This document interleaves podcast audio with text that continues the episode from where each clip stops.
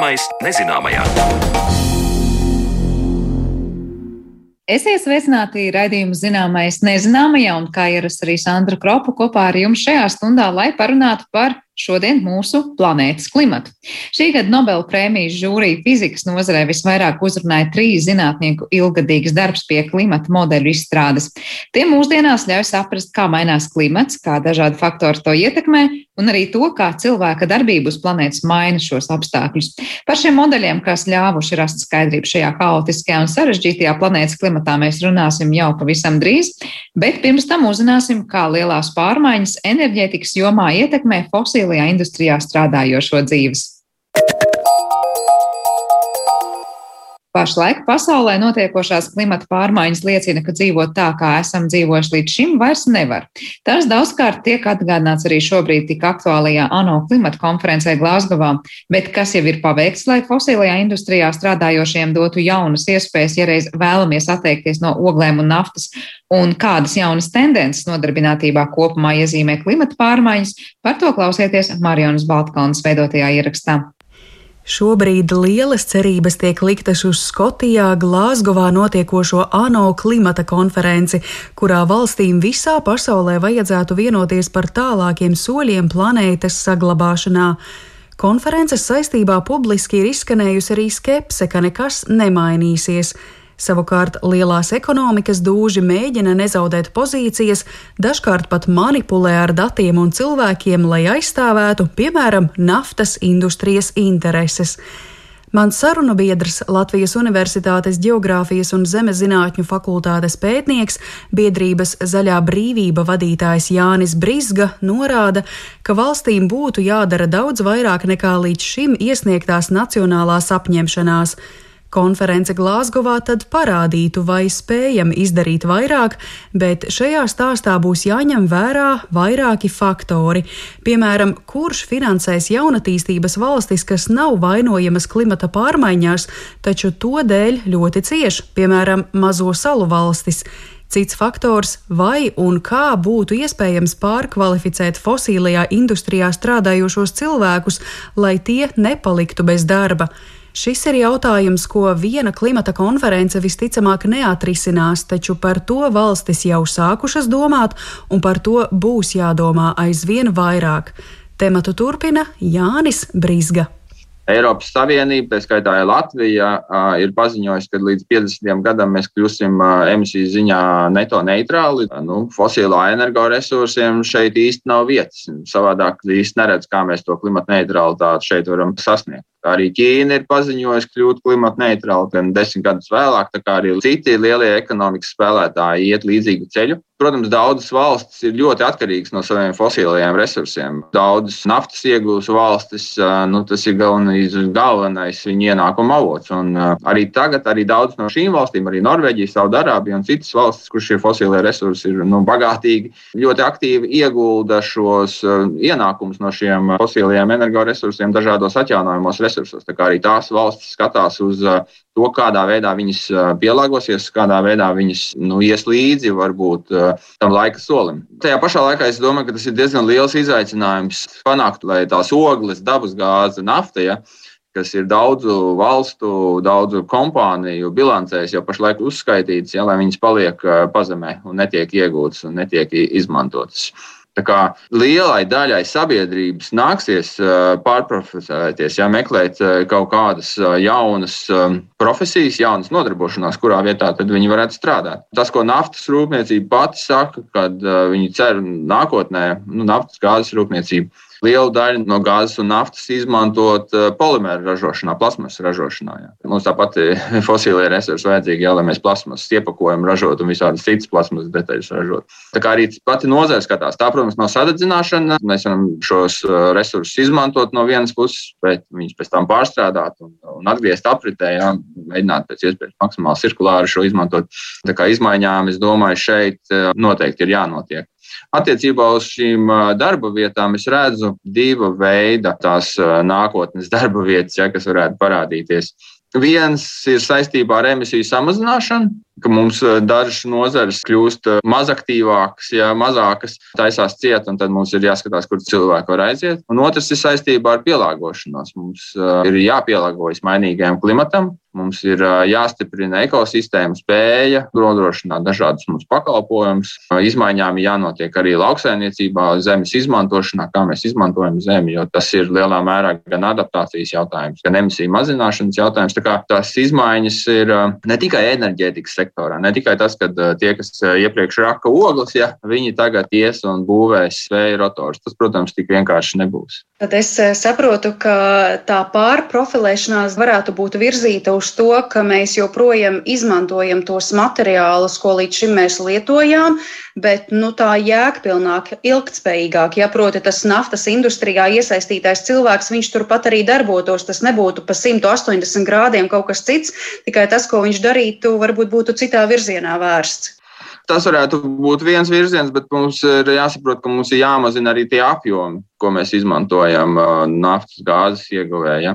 Tad, protams, tur paliktu tikai neliela daļa no tā darba spēka, kas pašlaik ir nodarbināts šajās nozarēs, un pārējiem ir jāmeklē jaunas vietas. Nu, ogļu raktuvēs, piemēram, ir nu, zemes kvalitātes darbi, tā varētu teikt. Ja. Cilvēki nepāries no šādiem darbiem strādāt par inženieriem rūpnīcā, kas ražo saules baterijas vai ko tam līdzīgu. Tur ir liels ceļš ejams, kamēr tu no ogļu rača kļūsti par inženieri. Tā kā tik vienkārši tas, protams, nevar būt. Par pielāgošanos vēl runājot, un vispār labāku plānošanu, labāku pilsētu. Man liekas, šeit ir arī ļoti daudz iespēju, jo tās tendences jau dažādas mijās kopā. Mums ir ne tikai klimata pārmaiņas, mums ir arī robotizācijas procesi, ja, kas arī atņem daudzas no vienkāršajām lētajām darba vietām. Mums ir dažādi procesi, kas ir saistīti ar urbanizāciju, ar cilvēku masveidīgu pārvietošanos uz pilsētām, arī datorizācija un digitalizācijas procesi, kas notiek visdažādākajās nozarēs. Un tur, protams, arī ir vajadzīgas specifiskas zināšanas cilvēkiem, kas māk rīkoties ar skaitļošanas tehniku, ar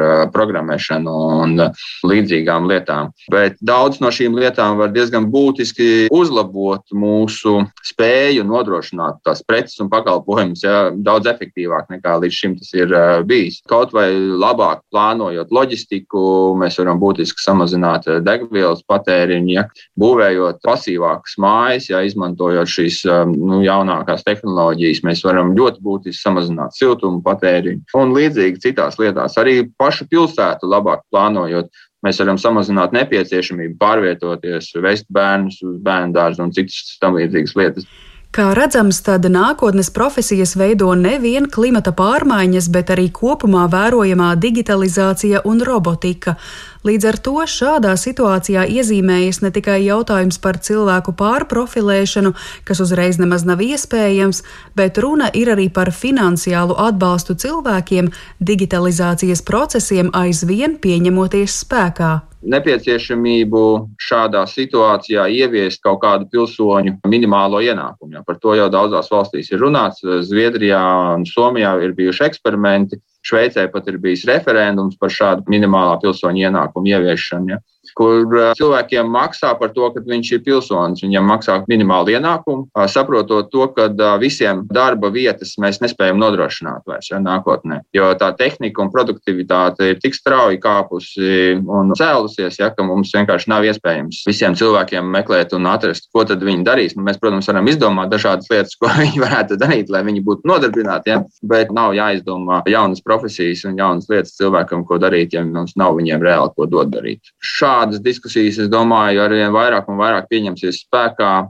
Nu, ātrāk vai vēlāk mēs nonāksim pie šāda pilsoņu ienākuma, kas uh, cilvēkiem uh, ļaus strādāt mazāk. Es ceru, ka tas tā notiks, jo Nu, mēs jau skatāmies pēdējos 200 gados, eh, mūsu ekonomiku produktivitāte ir ļoti, ļoti cēlusies. Keins savā laikā domāja, ka viņa mazbērni varēs strādāt tur trīs dienas uh, nedēļā. Ja, tāpēc, kad, ja salīdzinām ar 150 gadus atpakaļ, ja, tad mēs pašlaik izdarām daudz, daudz vairāk ar visu tehniku, ar visām iespējām. Ja. Bet mēs esam izvēlējušies eh, vairāk strādāt un vairāk pelnīt, nevis vairāk brīvā laika. Es ceru, ka nākotnē cilvēki izvēlēsies to laiku priekš sevis, un tad viņi varēs nodarboties nodarboties ar dažādām savu interesējošām lietām. Nu, es ceru, ka tas nebūs tā, ka cilvēkiem būs jāsēž jāskatās televizors visu dienu, bet mums būs arī jāiemācās, kā mēs lietojam šo, šo laiku, ja, ko mēs tad iegūstam.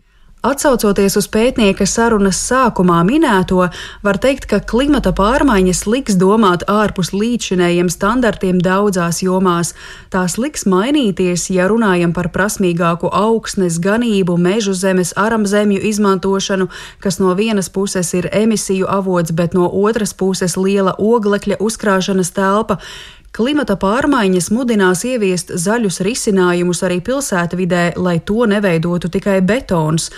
Un arī mūsu situācijā Latvijā klimata pārmaiņas radījušas un radīs iespaidu lauksaimniecībā pieaugot temperatūrām, visdrīzāk palielinās arī kaitēkļu apjoms, kas apdraud lauksaimniecību. Kādā veidā mēs vispār mainām lauksaimniecību, jo monokultūras savukārt ir ļoti pievilcīgas kaitēkļiem. Ja mums ir ļoti plašās teritorijās viena kultūra tiek audzēta, ja, tad tā ir paradīze, kur, kur attīstīties dažādām slimībām un kaitēkļiem. Un klimata pārmaiņas tikai to vēl vairāk veicinās. Kādā veidā mēs mainām šo lauksaimniecību, lai viņa būtu spējīga noturēties pret šādiem mainīgiem laikapstākļiem. Nu, protams, protams, tad arī viss saistībā ar enerģētiku, gan atjaunojumu energoresursu ražošana, energoefektivitātes procesi, arī enerģijas sistēmas, dažādi procesi. Tie arī ir kaut kas tāds, kas nākotnē noteikti būs nu, būtiski pieprasījums, respektīvi, pret šādām lietām noteikti būs. Bet, ziniet, es tagad iedomājos vienu tādu lietu, piemēram, klimata pārmaiņu dēļ mēs eh, vairāk radīsim tādas, varbūt, darba vietas, eh, lai izvairītos no lidojumiem ar lidmašīnu, tātad, lai vairāk notiktu sauszemes transports. Tagad, piemēram, nu, vienā lidmašīnā tur ir pilots, daži stjuarti, ja vēl lidostā nodarbinātie. Un tagad, ja mēs nevaram lielu attālumu pārvarēt īsā laikā ar lidmašīnu, mums ir jāiesaista ļoti daudz citu cilvēku, kuri tagad rūpēsies, lai tas viss notiek pa sauszemi. Tas atrisinās to vides problēmu, vai patiesībā mēs otrā grāvī varbūt nonāksim? Nu, bieži vien tās vidas problēmas ir saistītas ar mērogu, cik lielā apjomā, cik daudz lietas mēs darām. Protams, tur var būt lieli riski. Ja mēs tagad pārmetamies un uh, sākam ražot plasmasas polimērus priekš iepakojumu, piemēram, nevis no naftas uh, produktiem, bet no biopolimēriem, ja, kas uh, no cukura vai no cietas tiek iegūti, mēs radām milzīgu pieprasījumu pēc kukurūzas, pēc citiem šādiem kultūra augiem, kas savukārt prasa ļoti lielu zemes teritorijas, kur mēs visu audzēsim, un arī cenas, respektīvi, tad eh, kukurūzā viss noteikti celsies. Ja. Pārmetoties no vienas eh, jomas uz citu, mēs varam radīt eh, lielus riskus daudzās citās jomās, un tas nenovest ne pie kā labi. Es domāju, ir daudz svarīgāk skatīties, kādā veidā mēs tos apjomus patiesībā spējam samazināt. Gan resursu patēriņa ziņā, gan enerģijas resursu patēriņa ziņā. Un, ja mēs spēsim, atradīsim labus veidus, kā samazināt to apjomu, cik daudz resursu pašlaik iziet eh, tādā mūsu ikdienā cauri ja, mūsu rokām, tad eh, mēs arī tiksim galā ar šīm krīzēm un šiem izaicinājumiem. Nu jā, tāda mērenība. Es, es beidzot gribēju jums arī jautāt par to, vai ir jau kaut kādi šādi labās prakses piemēri pasaulē, kur, piemēram, fosīlo kurināmo industrijā strādājošie tiktu pārvirzīti pamazām uz citām jomām, vai arī tieši otrādi, kad tiktu jau ieviestas jaunas profesijas, tāpēc ka klimata pārmaiņas notiek? Vai jums ir kaut kas jau zināms vienā vai otrā pusē notiekošajā? Jā, ir daudz lēmumu, kas tagad tiek pieņemti patiesībā, kas veido to nākotnes perspektīvu. Nu, ja mēs skatāmies transportā, ļoti daudzas valsts, arī Eiropas Savienība, pašlaik ir paziņojusi, ka uh, pēc 30. un 35. gada jaunas automašīnas ar iekšdedzes dzinēju vairs nebūs nopērkamas jā, Eiropā. Nu, skaidrs, ka te ir vieta tikai elektromašīnām, un arī daudz kur citur, arī tādās nu, varbūt masturīgās valstīs, Meksikā, piemēram, Mexico City ir skaidri paziņojis, ka automašīnas ar dīzeļu dzinējiem netiks ielaistas pilsētā. Un tas varbūt nav pat tik daudz klimata pārmaiņu kā gaisa kvalitātes jautājums. Jo tādās urbānās teritorijās iekšdedzes dzinējs ir viens no galvenajiem gaisa piesāņojuma un nāves iemesliem cilvēkiem. Tā kā šāda veida izmaiņas izmaiņas jau notiek. Daudzas valstis ir arī paziņojušas, ka viņas eh, neiegūs savus fosilos resursus ar lielākiem vai mazākiem izņēmumiem, bet uh, arī tādas valstis ir. Arī Francija ir paziņojusi, ka viņa neapgūs jaunus naftas laukus. Ja. Nīderlandē pašlaik atsakās no dabas gāzes ieguves. Viņiem ir uh, pēdējo desmit gadu laikā bijušas vairākas zemestrīces, kas ir saistītas tieši ar gāzes ieguvi, kur viņi pumpē gāzi ārā un tā nu, vienkārši zeme paliek nestabila. Ja. Tas apdraud vairāk vairākas kopienas. Tā kā ir tādi piemēri, nevienmēr tas ir simtprocentīgi saistīts tikai ar to, ka mēs cīnāmies tagad pret klimatu pārmaiņām, bet klāt nāk arī citi apsvērumi, citi argumenti, gan gaisa kvalitāte, cilvēku veselība, cilvēku labklājība. Un es domāju, arī šie ekonomiskie faktori arvien vairāk un vairāk spēlēs šiem atjaunojumiem resursiem, kļūstot arvien konkurētspējīgākiem. Un vienkārši šie fosilie resursi kļūst pārāk dārgi, lai viņus kāds varētu izmantot. Par iespējamām pārmaiņām dažādās profesijās klimata pārmaiņu dēļ stāstīja biedrības Zaļā brīvība vadītājs Latvijas Universitātes Geogrāfijas un Zemezinātņu fakultātes pētnieks Jānis Brīsga, ar kuru attālināti tikās Mariona Baltkalna. Bet raidījuma turpinājumā pievēršamies tam, ko par klimatu esam uzzinājuši pateicoties šī gada Nobela prēmijas laureātu veikumam fizikā.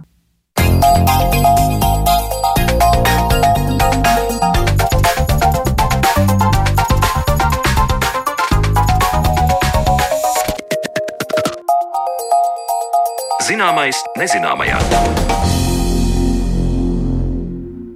Mūsu planētas klimats ir sarežģīta sistēma, kas ilgu laiku cilvēcei šķitusi haotiska un grūti saprotama, kur nu vēl prognozējama.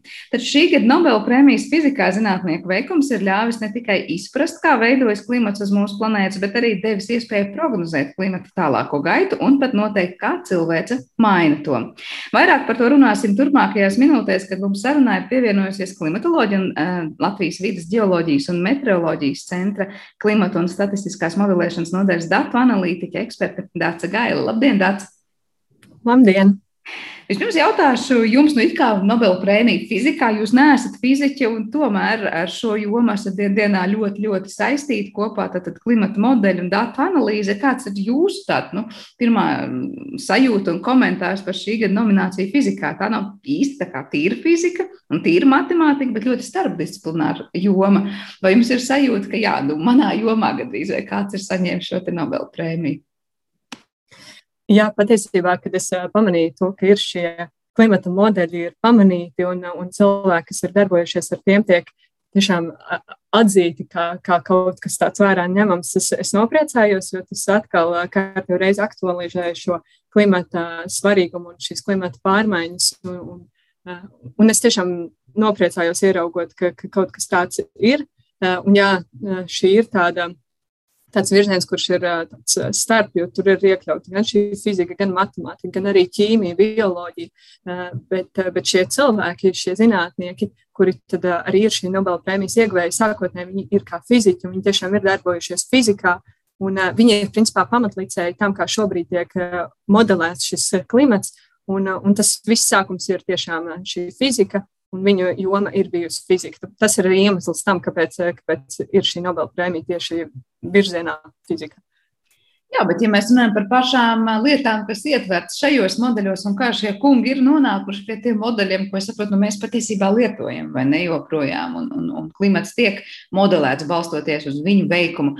Par kādiem tieši modeļiem ir stāsts un kā viņi tur ir attīstījuši tās idejas viens no otru? Es saprotu, nu, pirms viņiem jau arī cilvēki domāja par klimatu, par siltumnīcas gāzu emisijām un, un to, kāda ir to saistība ar, ar notiekošo atmosfērā un šeit uz Zemes.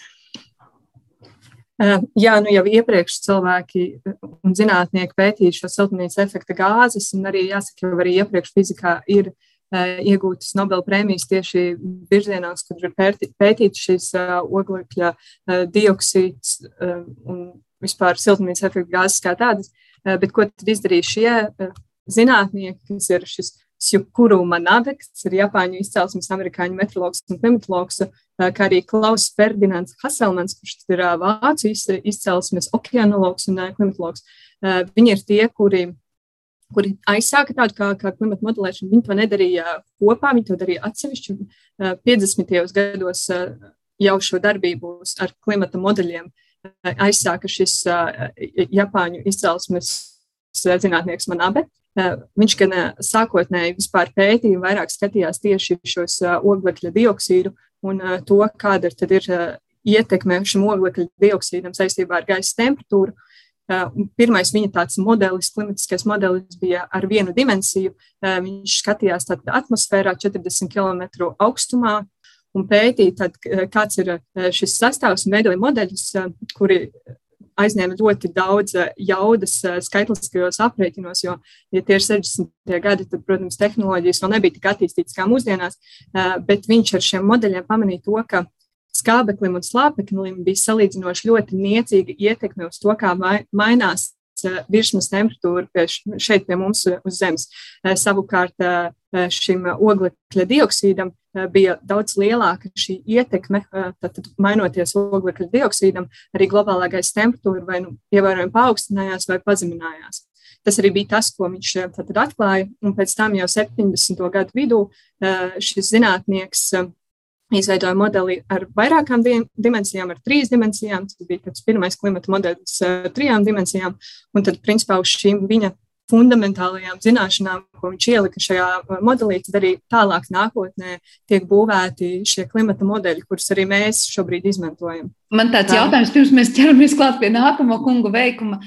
Kas ir šie trīsdimensionālie klimata modeļi un kāpēc tas ir būtiski?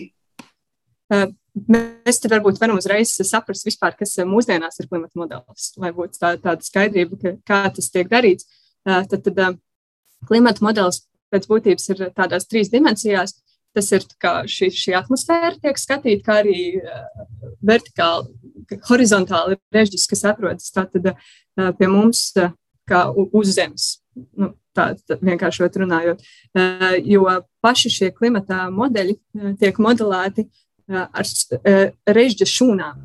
Principā šī pasaule tiek uzbūvēta ar tādiem kā reģiem, kā kubikmetriem, un katrs kubikmetrs tiek aprēķināts atsevišķi.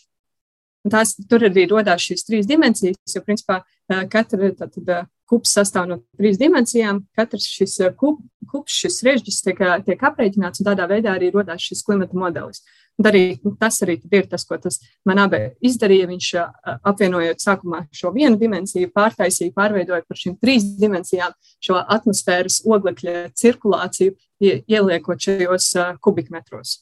Tas parāda viens, ka ļoti, ļoti daudz datu ir jāņem vērā, laikam, nu, šajā modelē, lai modelī vispār lai to darbotos, un ja ir katrs kubikmetrs, jā, tādā veidā Uh, vai kups tāds aprēķinās, ka tur tiešām nu, planēta ir liela un darba ir daudz. Uh, Neejot detaļās šobrīd, labi, jo sistēmas tiešām ir sarežģītas. Kas ir tas, ko izdarījis šis nākamais kungs būtiski? Kā, kā viņš uzlaboja vai pilnveidoja šos modeļus? Jā, nu man abi viņš darbojās, sākotnēji viņš vispār fizikā darbojās ar šķīdumiem, un tad viņš saprata, ka viņu interesē okeāns, un viņš pētīja viļņus un straumes. Un tas, ko viņš izdarīja, viņš salika kopā ļoti haotiskos laikapstākļus, jo arī šobrīd mēs redzam, ka, piemēram, vienā dienā ir ļoti spēcīgs negaiss, nākamā dienā ir saule, tad ir šī lielā mainība. Bet viņš šajā lielajā mainībā, šajā haotiskajā troksnī pamanīja eh, virzību, kaut kādas tendences, eh, un eh, pateicoties tam visam, viņš, viņš pamanīja to, ka mainoties kaut kam atmosfērā, mainās arī ilgtermiņā, mainās arī pasaul, pasaules okeāna ūdeņi pasaules ūdeņi arī mainās, pat, uh, tikai tā, šī, šī mainība notiek krietni uh, lēnāk. Un viņš šos savus pirmos atklājumus un uh, vispār viņš iedvesmojās no Brauna kustības. Brauna kustība tiek saukta arī par nejaušu pastaigu, un te man arī patīk salīdzinājums, šis kā, kā regulāri tas tiek salīdzināts ar pastaigu ar suni.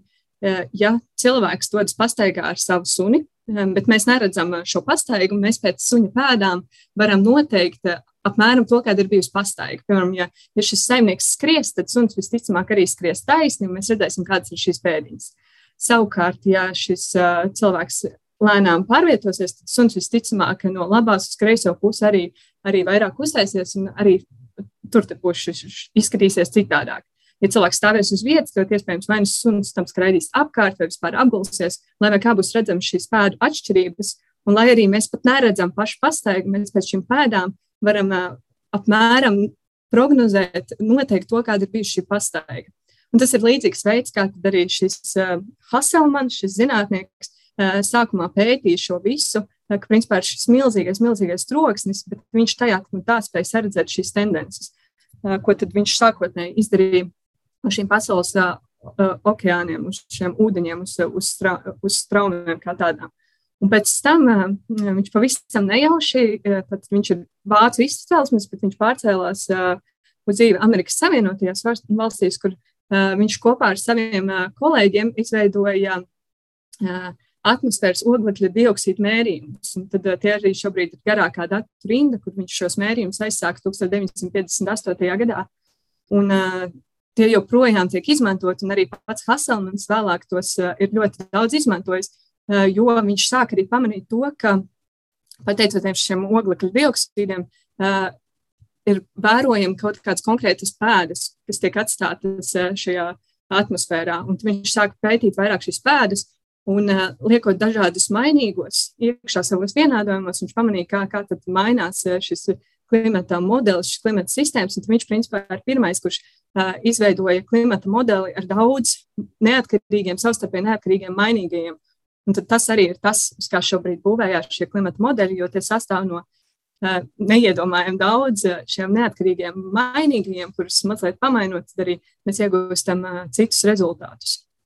Jā, es saprotu, ka ir vēl arī trešais kungs, kas ir gana lielu devumu sniedzis šajā šo modeļu izstrādē. Vai varbūt jūs tikpat veiksmīgi varat izstāstīt, kā tālāk tas modelis attīstījās un ko vēl tiem pielika klāt? Jāsaka, ka šis trešais kungs, viņš arī jā, ir iegūst šo, šo Nobel prēmiju fizikā, bet es tik daudz par viņu neprotu tā komentēt, un arī tā, tā palasot vairāk pati, viņam nav varbūt tik izteikti tā, tas virziens tieši, tieši saistībā ar ar klimatu un klimatu modeļiem, tāpēc par viņu es varbūt tik daudz nevarēšu tā, tā komentēt. Es vairāk esmu tieši lasījusi par šiem diviem pirmajiem kungiem, jo es saprotu, ka man viņi ļoti tā ie, ieinteresēja tā iemesla dēļ, ka tieši es šobrīd arī strādāju ar šiem uh, klimata modeļiem. Tikai, protams, nevis uh, viņu ražotajiem, veidotajiem, bet uh, ar, ar šiem nākotnes tālākiem, bet nu, viņi ir bijuši tie paši, paši pirmie, kas ir aizsākuši šo visu, kā arī mēs tagad tālāk būvējam visu klimatu. Nu, skaidrs ir viens, ka viņi patiesībā arī nevis kopā, kā teicāt, strādāja, bet atsevišķi. Tur, laikam, es saprotu, vidu bija dažas desmit gadus, bet vēl secīgi patiesībā gan Manabes Kaselmans un Parisī ir tas, kurš strādāja nu, viens aiz otru un tātad šo tālāko darbu attīstīja, lai mēs tiešām varētu teikt, ka nu, ir kaut kāda nojausma par to, kā klimats uh, uz šīs planētas mainīsies tuvākā un tālākā nākotnē. Bet, ja mēs runājam par tiem modeļiem, kādi ir šobrīd, ar ko atšķiras, piemēram, nu, tie modeļi, ar kuriem jūs strādājat, jūs teicāt, tie vairs nav šo kungu izstrādātie. Un savukārt tie, kas radās nu, teikt, pagājušā gadsimta, jau te var teikt, nu, otrajā pusē, bet stipri tuvāk vidum. Jā, nu, piemēram, tie paši manabas izstrādātie modeļi, par kuriem stāstīju no sākuma, te, tie neaptver sevi tik daudz mainīgos. Tie bija vairāk tieši tā, tā fundamentālā lieta saistībā ar pašu oglekli, bet, bet nebija iekšā tik daudz dažādi šī brīža, šī brīža modeļos esošie šie mainīgie.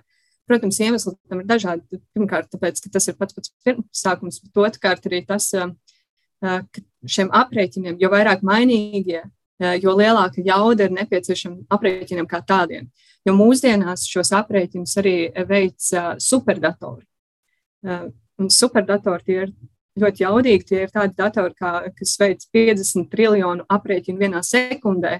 Un, ja mēs tā redzētu viņus tā ar aci, tad tie aizņem apmēram divu tenisa kortu lielumu. Tādi ir šie superdatori, kas veic šos aprēķinus. Un, protams, 50, 60 un 70 gados, kad, kad šie zinātnieki bija tie, kas visu šo aizsāka, tad vēl nebija tādas datoru jaudas, vēl nebija tādas iespējas. Tāpēc arī tur ir šī atšķirība, ka tajos modeļos tie salīdzinoši pret tiem, kas ir mūsdienās, ir, ir krietni vienkāršāki. Un arī mūsdienās pie šiem modeļiem strādā simtiem zinātnieku visā pasaulē. Un, un tie ir gan fiziķi, gan ķīmiķi, gan, gan biologi. Bet, jā, tad šie vīri ir galvenokārt tie, kas ir tie fizikas pārstāvji šajos, šajā klimata modeļu struktūrā.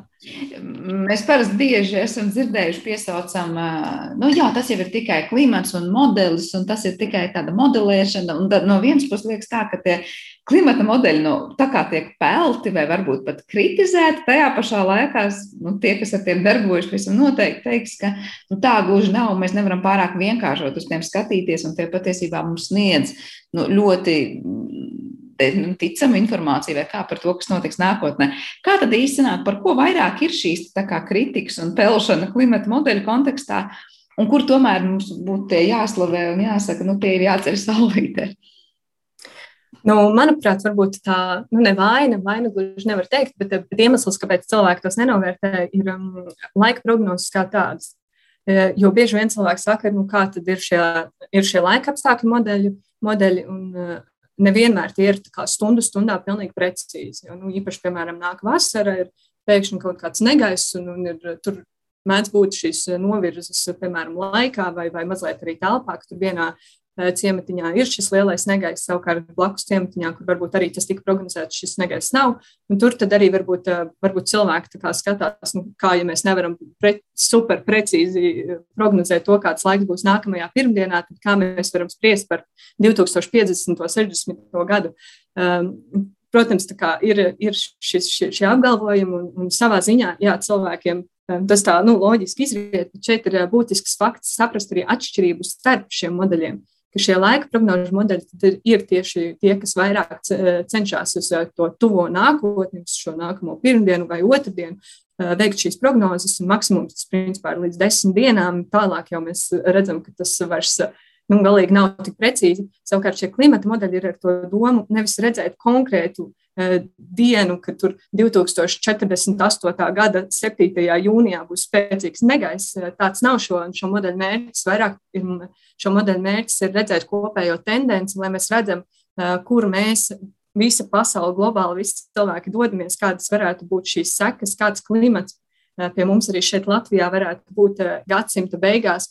Jo arī, ja mēs paskatāmies Arī mēs jau esam iepriekš veikuši šo scenāriju un modeļu aprēķinus pie mums šeit Latvijā. Ja mēs paskatāmies to, kādi bija šie rezultāti 2015. un 2016. gadā, kad tika veikti šie, nu, šie aprēķini, un kā tad ir šie gadi tālāk, ja nākamie gājuši, tad principā šie modeļu Eh, rezultāti ir apstiprinājušies, ka šī gaisa temperatūra tiešām pieaug, ka šie nokrišņi daudzam arī ir daudz mainīgāki un arī nokrišņi tieši ziemas sezonā pieaug.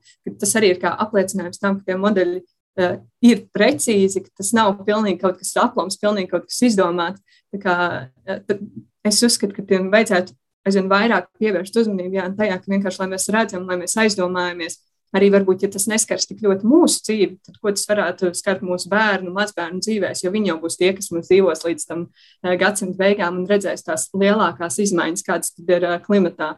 Jo mēs arī patiesībā, kaut vai šī pati vasara, kad jau bija daudzāk tropiskās naktis un cilvēks satraucās, ka tur nespēja, tikt, nespēja tam pielāgoties, tad jāsaka, nākotnē kaut kas tāds būs aizvien vairāk un vairāk. Un Un tad mums ir jā, jāizdomājās par mūsu varbūt, nākamajām paudzēm, ja ne mums pašiem.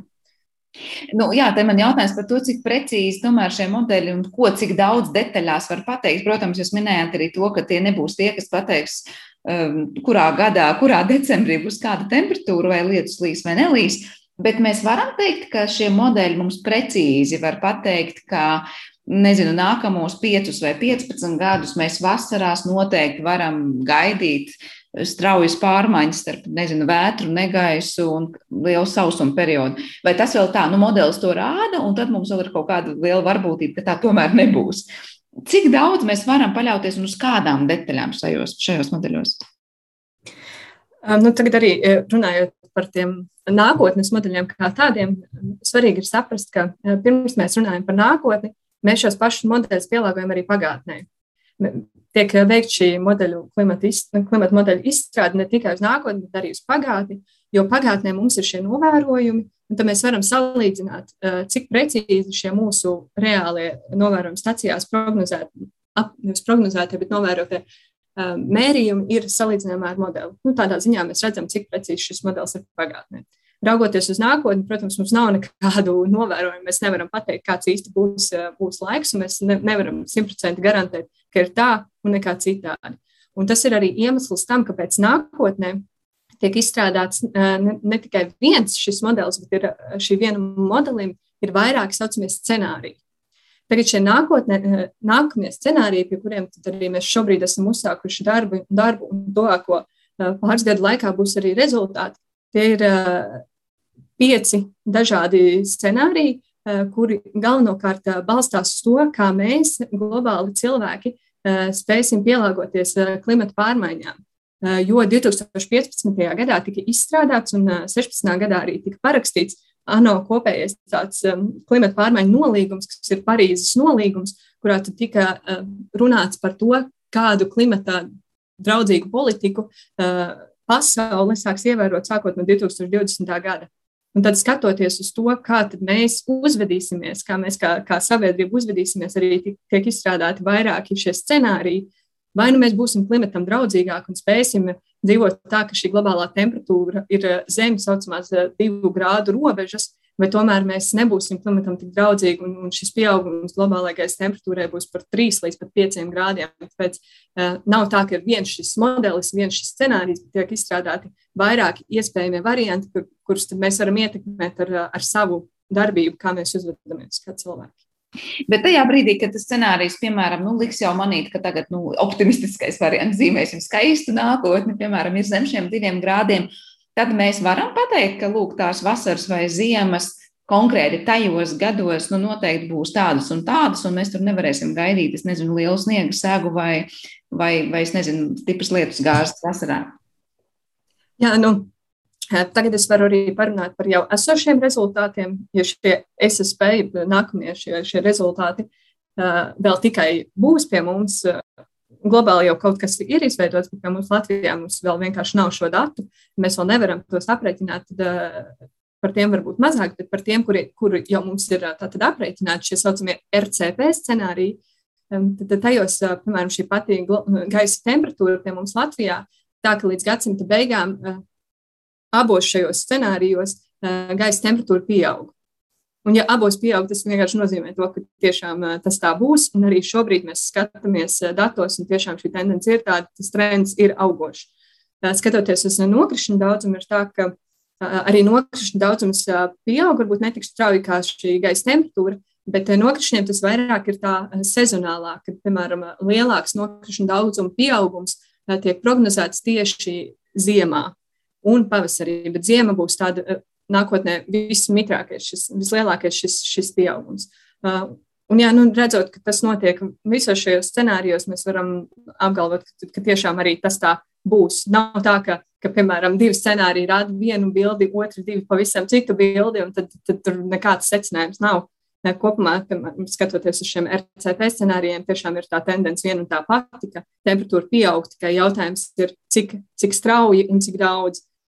Līdzīgi tas ir arī ar nokrišņiem un ar sniegs segu. Tā visos scenārijos tā pie mums šeit Latvijā samazinās gan sniegs segas biezums, gan arī dienu skaits eh, gadā ar sniegu. Tas arī samazinās. Tas, protams, arī balstoties uz to, ka paaugstinās šī temperatūra. Tā, jā. Man tāds muļķīgs jautājums varbūt no malas par to, kā Latvijā jūs modelējat klimatu. Tad kā lielās līnijās sanāk, ir šie pasaulē nu, pieņemtie un pieejamie modeļi, Un var teikt, jūs tikai tur liekat vajadzīgu datus iekšā par Latviju vai kā citādi, vai jums patiesībā ir ļoti daudz, kas jāmaina un jāadaptē, ja kurš tāds modelis konkrēti Latvijas situācijā, un tur sanāk tā, ka nu, tas darbs ir pamatīgs, lai vispār nu, izmainītu jau savos pamat, pamatos kaut kādas lietas, kāpēc, kā jūs tur ko rēķinat. Kāds ir tas darbs tieši Latvijai, piemēram, konkrētajā gadījumā, jūsu gadījumā, modelēt klimatu? Tātad, kā jau mēs minējām, pats paši šie modeļi tiek aprēķināti ar šo superdatoru palīdzību, tie tiek aprēķināti, bet ir divi dažādi modeļu veidi, kas tiek rēķināti. Pirmie ir šie globālie modeļi, otrie ir šie reģionālie modeļi. Tie atšķirās ar saucamo izšķirtspēju, tā kā telpas, kā izšķirtspēju. Globālajos modeļos šie režģi būs krietni lielāki, kad vienkārši mēs vairāk spēsim saprast visu pasauli kopumā. Savukārt reģionālajos modeļos šis režģis, jeb attēlojums, piemēram, nu, viens reiz viens kilometrs, desmit reiz desmit kilometrs, būs krietni mazāks. Tāpēc mēs arī galvenokārt strādājam ar šiem reģionāliem modeļiem. Tā iemesla dēļ, ka, piemēram, raugoties globālajos modeļos, piemēram, Latvija būtu sadalīta piecās lielās šūnās, vai labākajā gadījumā tās būtu piecas šūnas, un mēs nevarētu tik precīzi saprast, kas un kā. Tāpēc mēs skatāmies šos reģionālos modeļus. Un, um, Arī šobrīd pie tiem strādā daudz un dažādas valstis, un ne visi šie reģionālie modeļi ir vienādi. Jo arī skatoties kaut vai, piemēram, uz pasauli kā tādu, mēs redzam, ka, ka ir ļoti daudz atšķirības arī mūsu kaut vai tie paši platuma grādi, un ne visi modeļi pie mums strādā vienlīdz labi.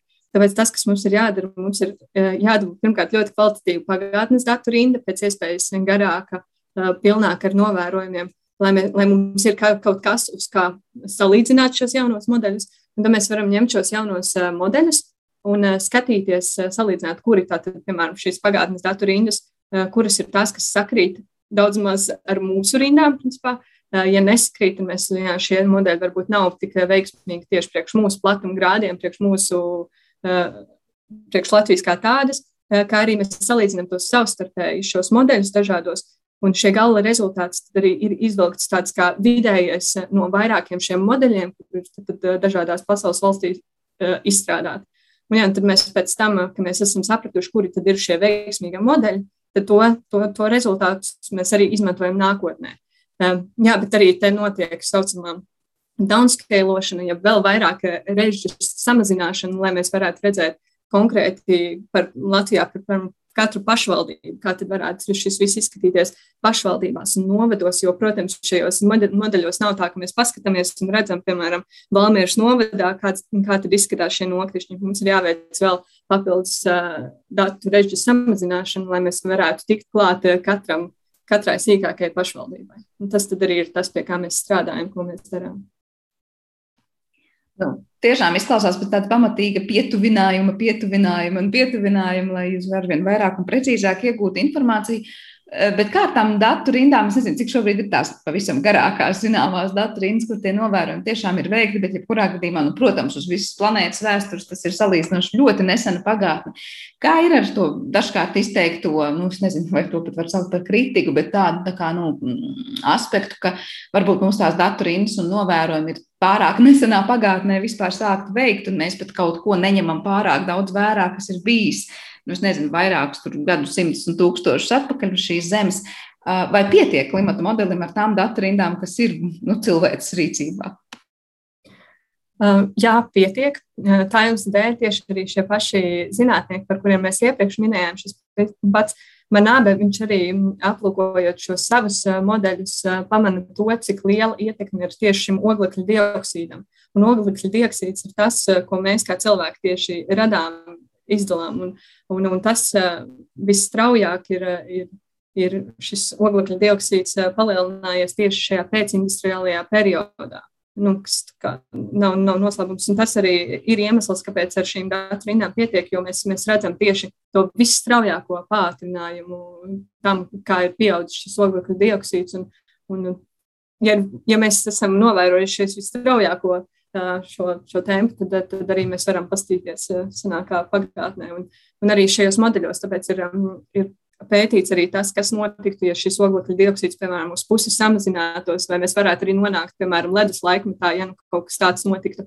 Un ir veidoti daudz un dažādi šāda veida bezmaz vai, ja nu, kas tad notiktu, kā, arī kaut kas tāds tiek, tiek modelēts un, un pētīts tādā veidā arī spriežot par to, kā iespējams kāds daudzums šī oglekļa, piemēram, bija atmosfērā, tad, kad bija šis ledus laikmets un, un, un tādā ziņā. Tad tas viss tiek arī skatīts. Nu, var teikt, mūsu. Jā, nu var teikt, ka šie modeļi parāda, uzskatām, parāda to cilvēka darbības saistību ar to, kas notiek atmosfērā un tālāk arī ar mūsu klimatu. Jā, ka, ka šeit mēs ļoti skaidri redzam šo industriālo laikmetu ar visām tā izvietošajām sekām. Un šis modelis, var teikt, nu, pierāda to cilvēku saistību. Tieši tā, jā, un tieši arī pēdējos gados ir tieši tas ļoti vēl lielāks uzsvars likts, jo šie jaunie scenāriji, par kuriem sāk minēt, ka, nu, kuru, kuru aprēķinu pie mums vēl Latvijā nav, bet, eh, bet lasot par šiem eh, scenārijiem, tajos tiek ieviesti jauni vēl papildus šie, eh, šie mainīgie, kas ir tieši, piemēram, izglītības līmenis, urbanizācijas dati, tehnoloģija attīstība tempi un galvenokārt visas šīs tieši cilvēku darbības, tas ir tas, kas arī tagad tiek ielikts tieši šajos, šajos modeļos, jo nu, aizvien vairāk zinātne pārliecinās, ka, ka, ka mēs kā cilvēki esam tie, kas, kas maina un ietekmē šos procesus uz, uz Zemes. Noslēdzošais jautājums no manas puses. Kas vēl pašiem klimata pētniekiem vai nu, datu zinātniekiem, kas šajā nozarē darbojas vairāk, liekas tāds visgrūtāk izprotamais vai visgrūtāk saprotamais par klimatu. Jo nu, tā cilvēkiem no malas vispār, es domāju, tā sistēma ir pārāk sarežģīta un pārāk kompleksa, lai teiktu, ka to varētu izprast, un tur daudz mainīgo un daudz nesaprotamu lietu. Es domāju, tiem, kas ar to jau daudz darbojas un, un, un daudz saprot, kas ir tas, es nezinu, klimata kaut kāds lielais noslēpums vai mīklu, kas joprojām ir neatminēta. Um, Nu, es neesmu cilvēks, kas izstrādā tieši šos klimata modeļus, bet, bet man arī lasot, pētot par tiem, rodas tā sajūta, ka joprojām mums ir tik daudz neskaidrs, tas, kādi mainīgie mums tieši ir jāieliek šajā visā lielajā klimata modelī, lai, mums, lai mēs spētu to izveidot. Jo it kā mums visu laiku, gan jau šie zinātnieki strādā, un šķiet, ka nu, ir jau viss ielikts, bet tāpat tās nākotnes, kur jauni šie scenāriji, jauni modeļi, un katru reizi tie tiek papildināti ar jauniem mainīgajiem, par kuriem iepriekšējie zinātnieki visticamāk pat nebija iedomājušies. Tā kā tā attīstība visu laiku ir, ka mēs pamanām, ka re, kur vēl to vajag pievienot, to pievienojam vēl tur to pašu urbanizāciju, iedzīvotāju skaitu, Un ka visu laiku ir tāda kā mm, skatīšanās apkārt, kas vēl ir tas, kas var mūs visus ietekmēt. Jo Jo, jā, nu, raugoties ikdienā uz laikapstākļiem, mēs redzam to, ka tie paliek aizvien tādi mainīgāki, aizvien svārstīgāki. Tad uh, katra šī mainība, katra šī svārstība ir jāiekļauj šajā klimata modelī, lai mēs beigās arī iegūtu to, to kopējo ainu. Un tad es domāju, ka arī nākotnē šī attīstība pie šiem modeļiem, domājot tieši kādus mainīgos ielikt ar kādiem šiem koeficientiem, kā to darīt, kad, tas um, turpinās notikt un, un turpināsies šī attīstība, lai mēs aizvien precīzāk un precīzāk spētu saprast, kas mūs nākotnē sagaida. Ja, nu, darba būs daudz, es saprotu, un arvien sarežģītāks un komplicētāks būs tas, ko mēs skatīsimies, vai kādus datus patiesībā nebūsim no tā, ko dažādi zinātnieki un, un datu pētnieki būs izdomā, iz, saka, sapratuši un, un izskaidrojuši. Paldies par šo sarunu un paldies, ka devāt tādu ieskatu, ko tad īsti nozīmē šī gada Nobela prēmija fizikā, kas, es atgādināšu, tā tad ir um, piešķirta zinātniekiem, fiziķiem sākotnēji par viņu veikumu uh, klimata prognozēšanā un klimata modeļu izstrādē. Uh, klimatoloģija un Latvijas vidas geoloģijas un meteoroloģijas centra klimata un statistiskās modelēšanas nodaļas datu analītiķa eksperta Dāca Gaila šodien šodien bija mūsu attālinātās studijas viešņa. Un paldies par raidījumu. Teikšu arī producentē Paulai Gulbinskai un mūzikas redaktoram Girtam Bišam. Savukārt vēlot jauku dienu, es jums atvedos un uz tikšanos.